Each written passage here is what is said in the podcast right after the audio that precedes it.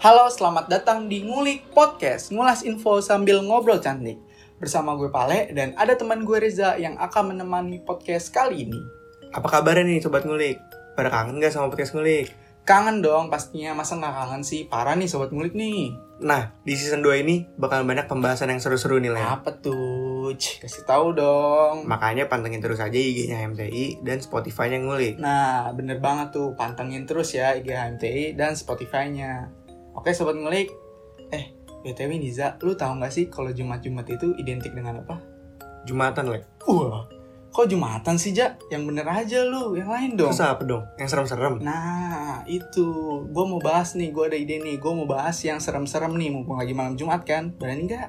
Yakin lu? Emang lu berani? Berani gue mah. Sobat Ngulik aja berani. Gimana? Ya ayo sih, gue berani-berani aja. Tapi kalau lu tuh pernah ngalamin atau pengalaman apa sih lu pernah? Jadi gini, serem-serem. jadi gini Za. Ini pengalaman gue sendiri ya. Gue tuh sebelum ke rumah yang sekarang nih, gue balik ke apa? Sebelum gue pindah ke rumah sekarang, rumah gue yang dulu itu serem banget ya. Jadi sebelum gue pindah ke rumah yang dulu itu, eh, udah setahun dua tahun gak ditempatin lah. Nah otomatis kan eh, nyokap gue, keluarga gue tuh renovasi rumahnya dulu lah, biar makin bagus.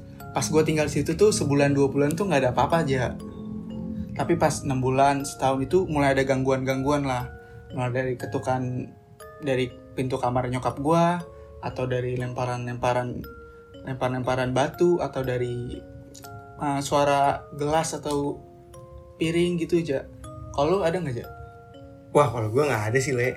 Paling kalau balik malam kayak ngerasa diliatin gitu gak sih? Lu pernah nggak kayak gitu? iya apalagi kalau naik mobil di tol itu serem banget sih kayak ngerasa diliatin banget Apalagi kalau naik motor. Ngeri gak sih tiba-tiba ada yang ngebonceng? nah gue punya ide duduknya madep belakang gimana Ya nanti gue yang jadi setannya lah itu mah. di nggak apa-apa apa atau duduknya di belakang jok di besi Bahaya lah itu mah.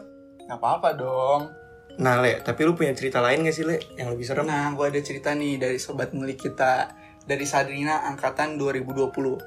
Asrama kamar 304. Nah, jadi gini ceritanya. Gue dulu SMA di boarding school. Banyak kejadian yang gak pernah gue alami sebelumnya. Salah satu cerita ini yang akan gue ceritakan. Nah, asrama gue ini terdiri dari empat lantai. Dan gue tinggal di lantai 3 kamar 304 gue mempunyai teman sekamar, sebut saja si Bunga. Nah, si Bunga ini mempunyai kemampuan melihat sosok tak kasat mata yang kebanyakan orang tak bisa.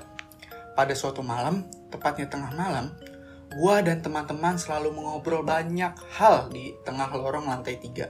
Saat kami berada di tengah-tengah obrolan yang seru, Bunga dari tadi duduk terdiam melihat ke satu arah, yaitu kaca yang berada di ujung lorong asrama. Gue awalnya negur dia, Hey, Bunga, lo kenapa? Kok diem aja? Lo nggak lihat lagi sosok itu kan? Namun dia tetap terdiam dalam lamunannya. Gua yang parnon ini mulai sedikit merasa takut karena Bunga nggak menjawab pertanyaan tersebut. Teman-teman gua juga merasa takut karena dia nggak bicara apa-apa.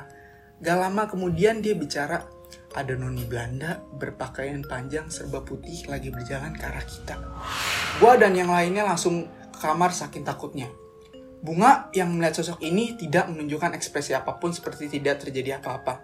Setelah itu kami menghampiri Bunga dan mengajak ngobrol seperti biasa. Karena takut, dia akan kesurupan. Kami terus mengobrol sampai larut malam untuk mengurangi rasa takut kami. Tiba-tiba Bunga terdiam dan kemudian ada suara benda jatuh yang dari ke- dari kamar mandi. Kami memberanikan diri untuk mengecek kamar mandi dan ternyata tidak ada apa-apa. Setelah kejadian tersebut, karena sudah sangat larut malam, kami memutuskan untuk tidur dan berusaha tidak memikirkan kejadian tersebut. Karena sudah sangat larut malam, kami memutuskan untuk tidur dan berusaha tidak memikirkan kejadian tersebut walaupun kami sangat ketakutan. Teman gua yang bisa melihat sosok ini pun memutuskan untuk tidur. Tetapi sebelum dia tidur, dia berbisik, Sandrina, dia di samping lo. Setelah mendengar bisikan tersebut, badan gua seketika terdiam dingin karena sudah merasa lelah. Gue pun memutuskan untuk tidak peduli dengan omongan bunga dan berusaha untuk tidur untuk melupakan kejadian yang terjadi di malam itu. Wah ngeri banget sih le ceritanya le Ngeri kan? Ngeri sih Lo kalau punya temen kayak gitu lo temenin gak? Enggak sih kayaknya Kenapa? Ya lu ngeri banget gak sih lagi nongkrong ke BBD Ngasih tahu ada itu di sebelah lu kan? Ada pocong di samping lu. Ih gue mau Gak asik mau. banget temennya. Makanya. Kalau gitu mah tahu deh diem aja aja ya Iya. Jangan bikin takut. Bener sih. Lo udah gak cerita lagi? Kan tadi di boarding school nih. Nah, Gue juga punya cerita dari sobat ngulik Yang di boarding school juga nih le. Apa tuh? Kasih tahu dong, Ja. Jadi kejadian itu Dia tuh sama teman-temannya lagi ngobrol tuh. Hmm. Tiba-tiba Temennya nih si Mawar ini pengen mandi Di lantai dua. Hmm. Nah emang gedung sekolahnya itu dari du- dua lantai itu le. Ada kelas, ruang komputer, kamar mandi gitu-gitu kan. Nah si Mawar ini pas masuk ke kamar mandi Udah ada temennya Namanya Ani. Nah Ani ini ada di sekat pertama. Hmm. Mawar itu masuk ke sekat kelima kan. Tapi saluran airnya tuh nyambung le. Hmm. Pas Mawar lagi mandi Tiba-tiba dia ngeliat darah di saluran airnya itu Berarti dari ujung ke ujung tuh ya? Iya nyambung dari ujung ke ujung Mawar langsung ngomong ke Ani tuh teriak Ani lu lagi haid ya? Tapi nggak ada jawaban apa-apa dari Ani Tanpa memikirkan apa pun Mawar langsung keluar dan kembali ke kamarnya Nah setelah Mawar sampai ke kamarnya Dia terdiam karena dia melihat Ani di kamar itu Mawar langsung bertanya Loh lu bukannya dari kamar mandi tadi ya? Kemudian Sani menjawab Hah? Enggak, orang dari tadi gue di sini. Tanya aja sama yang lain. Jadi siapa yang tadi di kamar mandi? Ja? Itu dia le, ngeri banget gak sih? Lo lagi mandi, taunya bukan temen lo yang mandi. Ih, ngeri banget sih. Mana posisinya lagi di kamar mandi susah sih kalau buat cabut kan? Makanya, belum mandukan, Iya, susah sih. Ngeri sih emang. Apalagi kalau misalnya si Mawar tahu nih itu bukan Ani, dia jadi mandi nggak ya? nggak mandi sih. Nggak mandi sih. Tapi nih Ja, kan tadi lagi di boarding terus nih, sekolah terus. Gue ada cerita nih di kampus. Tapi kita tanya dulu nih sobat ngulik. Nanti pada takut nggak kalau gue cerita di kampus? Pada berani lah pasti, Lu berani nih.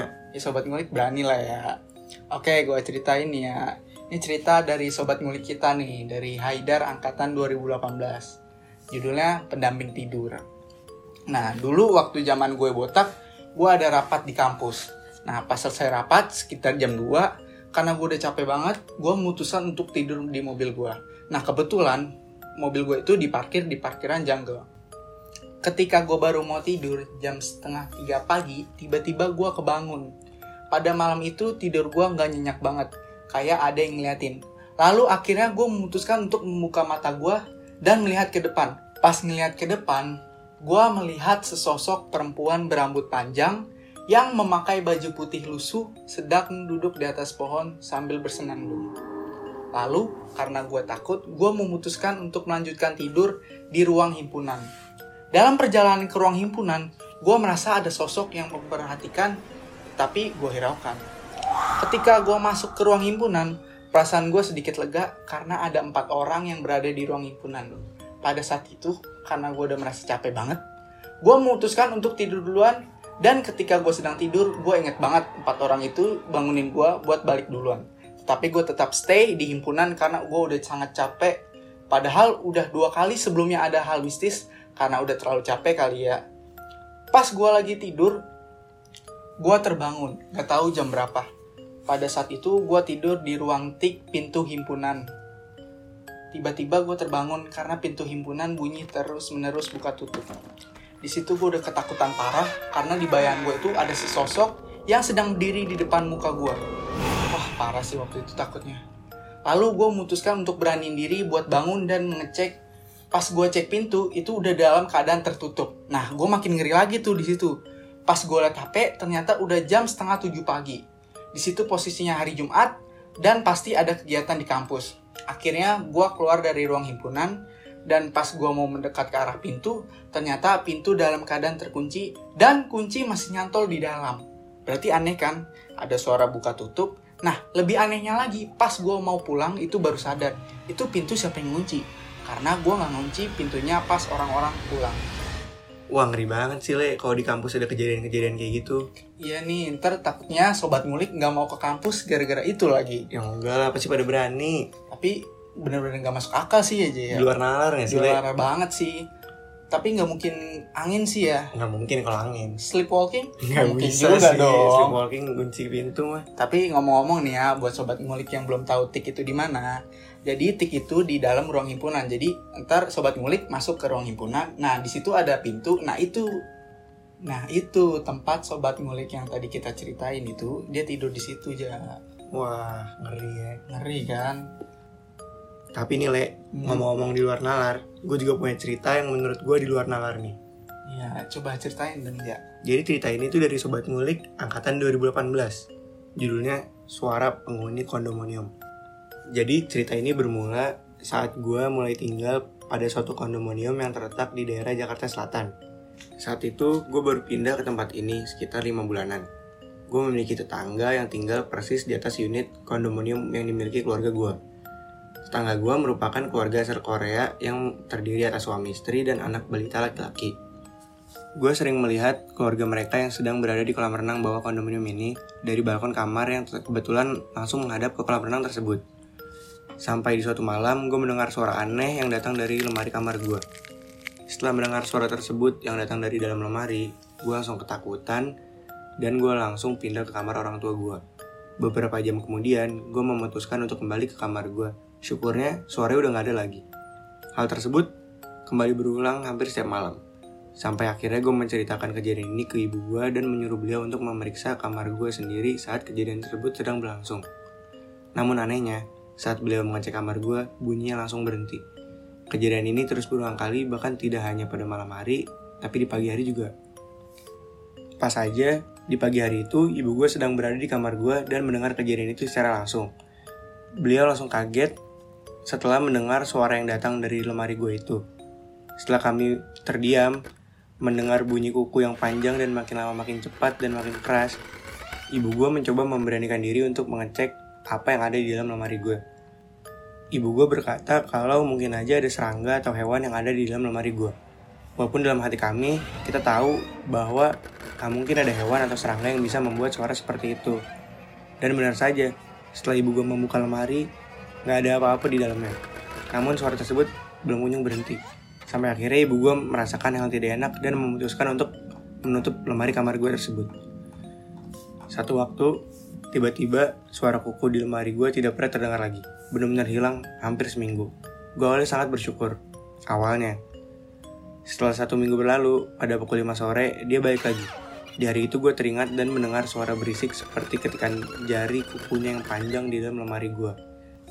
Tapi saat ini suara yang mengganggu gue tidak hanya dari lemari, tetapi suara anak laki-laki yang berada di kondominium gue itu terdengar lagi berlarian, tertawa, dan cukup sering gue mendengar tetangga Korea ini melakukan aktivitas tersebut. Walaupun rasanya sudah hampir dua bulan sejak saat itu gue tidak pernah mendengarnya. Karena gue merasa tentang mendengarkan suara aktivitas manusia yang lain, walaupun masih ada suara kuku seperti ketikan di lemari itu, gue bersikap tidak peduli dan tetap mengerjakan pekerjaan gue seperti biasanya sampai bunyi itu hilang dengan sendirinya. Pada malam hari gue bertanya kepada orang tua gue, anak tetangga di atas kondo kita udah jarang berenang ya?